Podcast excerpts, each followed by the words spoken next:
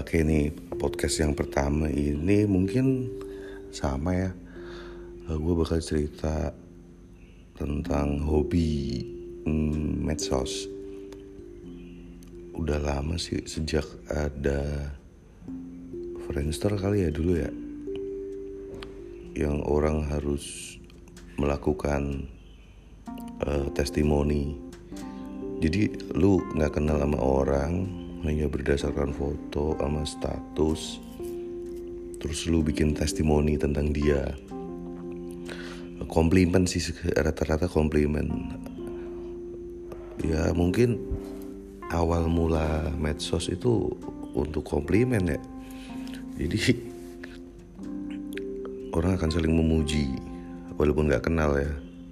Dan sepertinya efektif karena ketika seseorang dipuji itu otomatis dia akan seneng kan? Ya lu dipuji masa nggak seneng sih? Sama orang yang nggak kenal lagi. Dan kebetulan fotonya cakep gitu. Walaupun lambat laun ketahuan oh ini fake. Nah dari situ uh, mungkin karena bukan mungkin ya pasti ini kalau gua karena kerja. Jadi uh, eh, gue dulu 10 tahun di kubikel gitu. Kerjanya cuman di sebuah kotak yang kalau ketemu orang juga pas menuju kantor nemu medsos itu macam ini ya. Uh, perluasan dunia dan makna makna kehidupan gitu. sorry setelah itu Friendster selesai muncullah Facebook. Lebih lebih keren lagi nih karena dia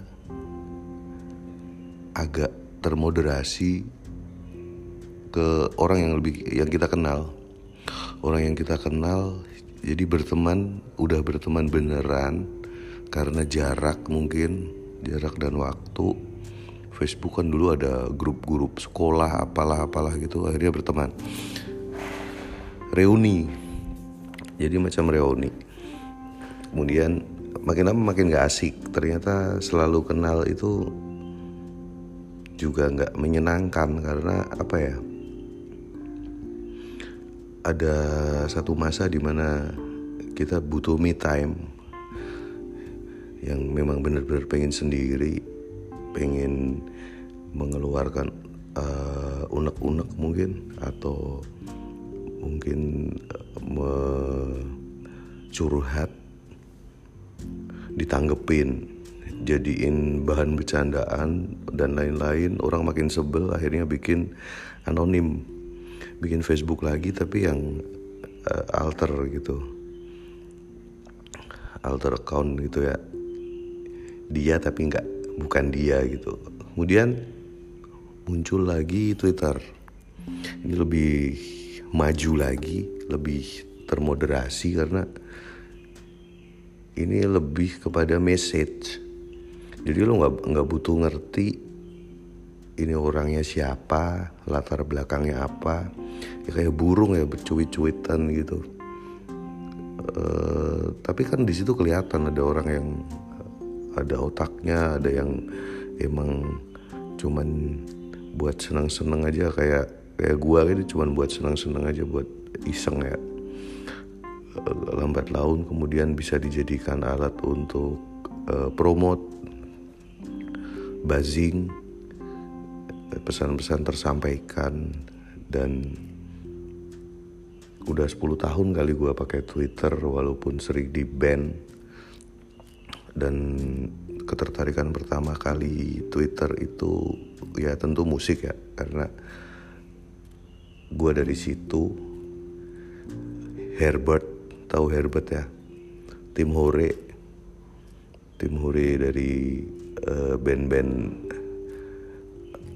Oi dan Pang gitu dan juga banyak teman-teman dari komunitas dan beberapa skena. Kemudian setelah musik musik itu perlawanan kalau buat buat gue waktu itu ya. Jadi memang sengaja sedangnya musik-musik underground yang protes-protes nggak jelas sampai Tuhan aja diprotes. Kemudian jadi makin rame makin rame kenal sama beberapa account. Salah satunya ya yang sampai sekarang kita masih mutual itu account Absolutia. Yang nama aslinya adalah bukan itu rada-rada ini ya. Kalau lu lihat tuh kenceng tuh account itu kenceng dan selalu beda. Bahkan dari dulu gue kenal gue saling follow juga karena dia uh, Zionis banget. Tapi kerennya Twitter adalah di situlah pencerahan ketika lo menghadapi account tertentu dan lu makin kenal lu dalemin ternyata ketika kita berpikir bahwa oh ini uh, account ini ngotak nih. Ngotak maksudnya punya otak ya bukan bukan kubus. Punya otak nih. Bener. Kita dulu satu squad uh, debatnya agama. Wah itu seru banget.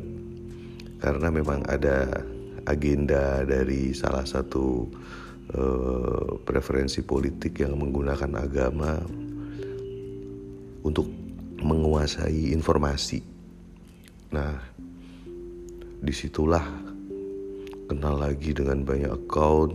Ada juga yang beberapa kalau yang gue kenal tuh uh, alter ya, uh, anonim ya. Banyak yang emang udah ketemu di daratan ada yang belum pernah ketemu sama sekali ada yang ternyata itu adalah temen gue yang deket banget dan gue baru tahu ada juga yang kayak gitu. Tapi seru artinya uh, ini media yang menurut gue paling keren gitu.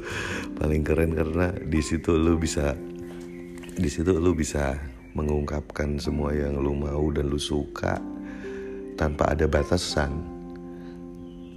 Dan reaksinya juga seru ketika lu proklaim bahwa lu misalnya lu Islam Nusantara ya musuhnya langsung nongol. Ketika lu proklaim lu Zionis musuhnya langsung nongol.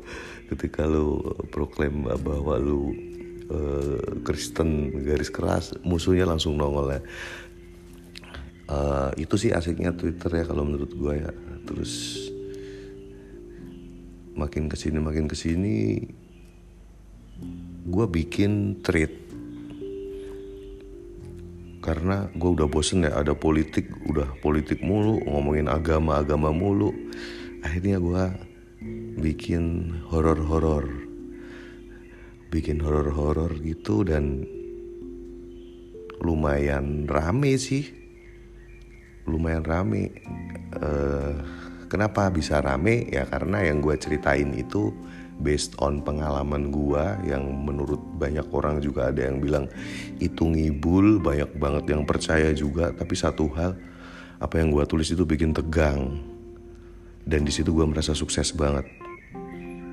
Bahkan beberapa tempat ada yang disamper sama follower-follower gue dulu.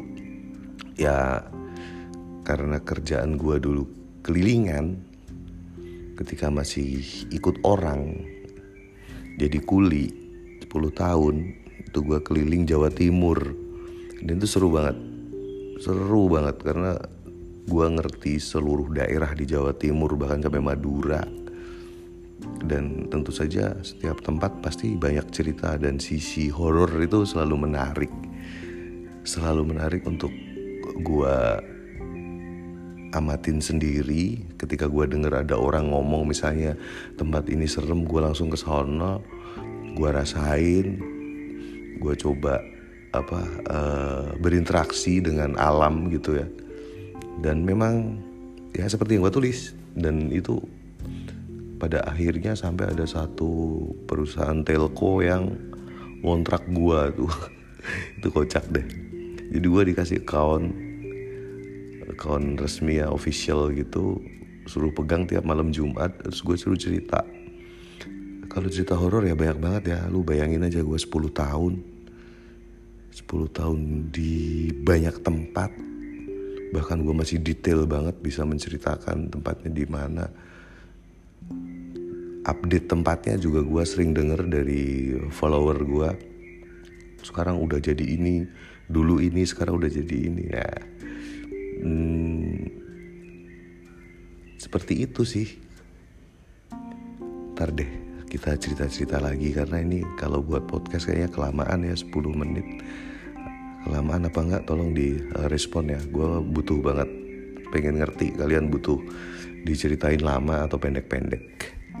Gitu dulu ya untuk yang pertama ini. Bye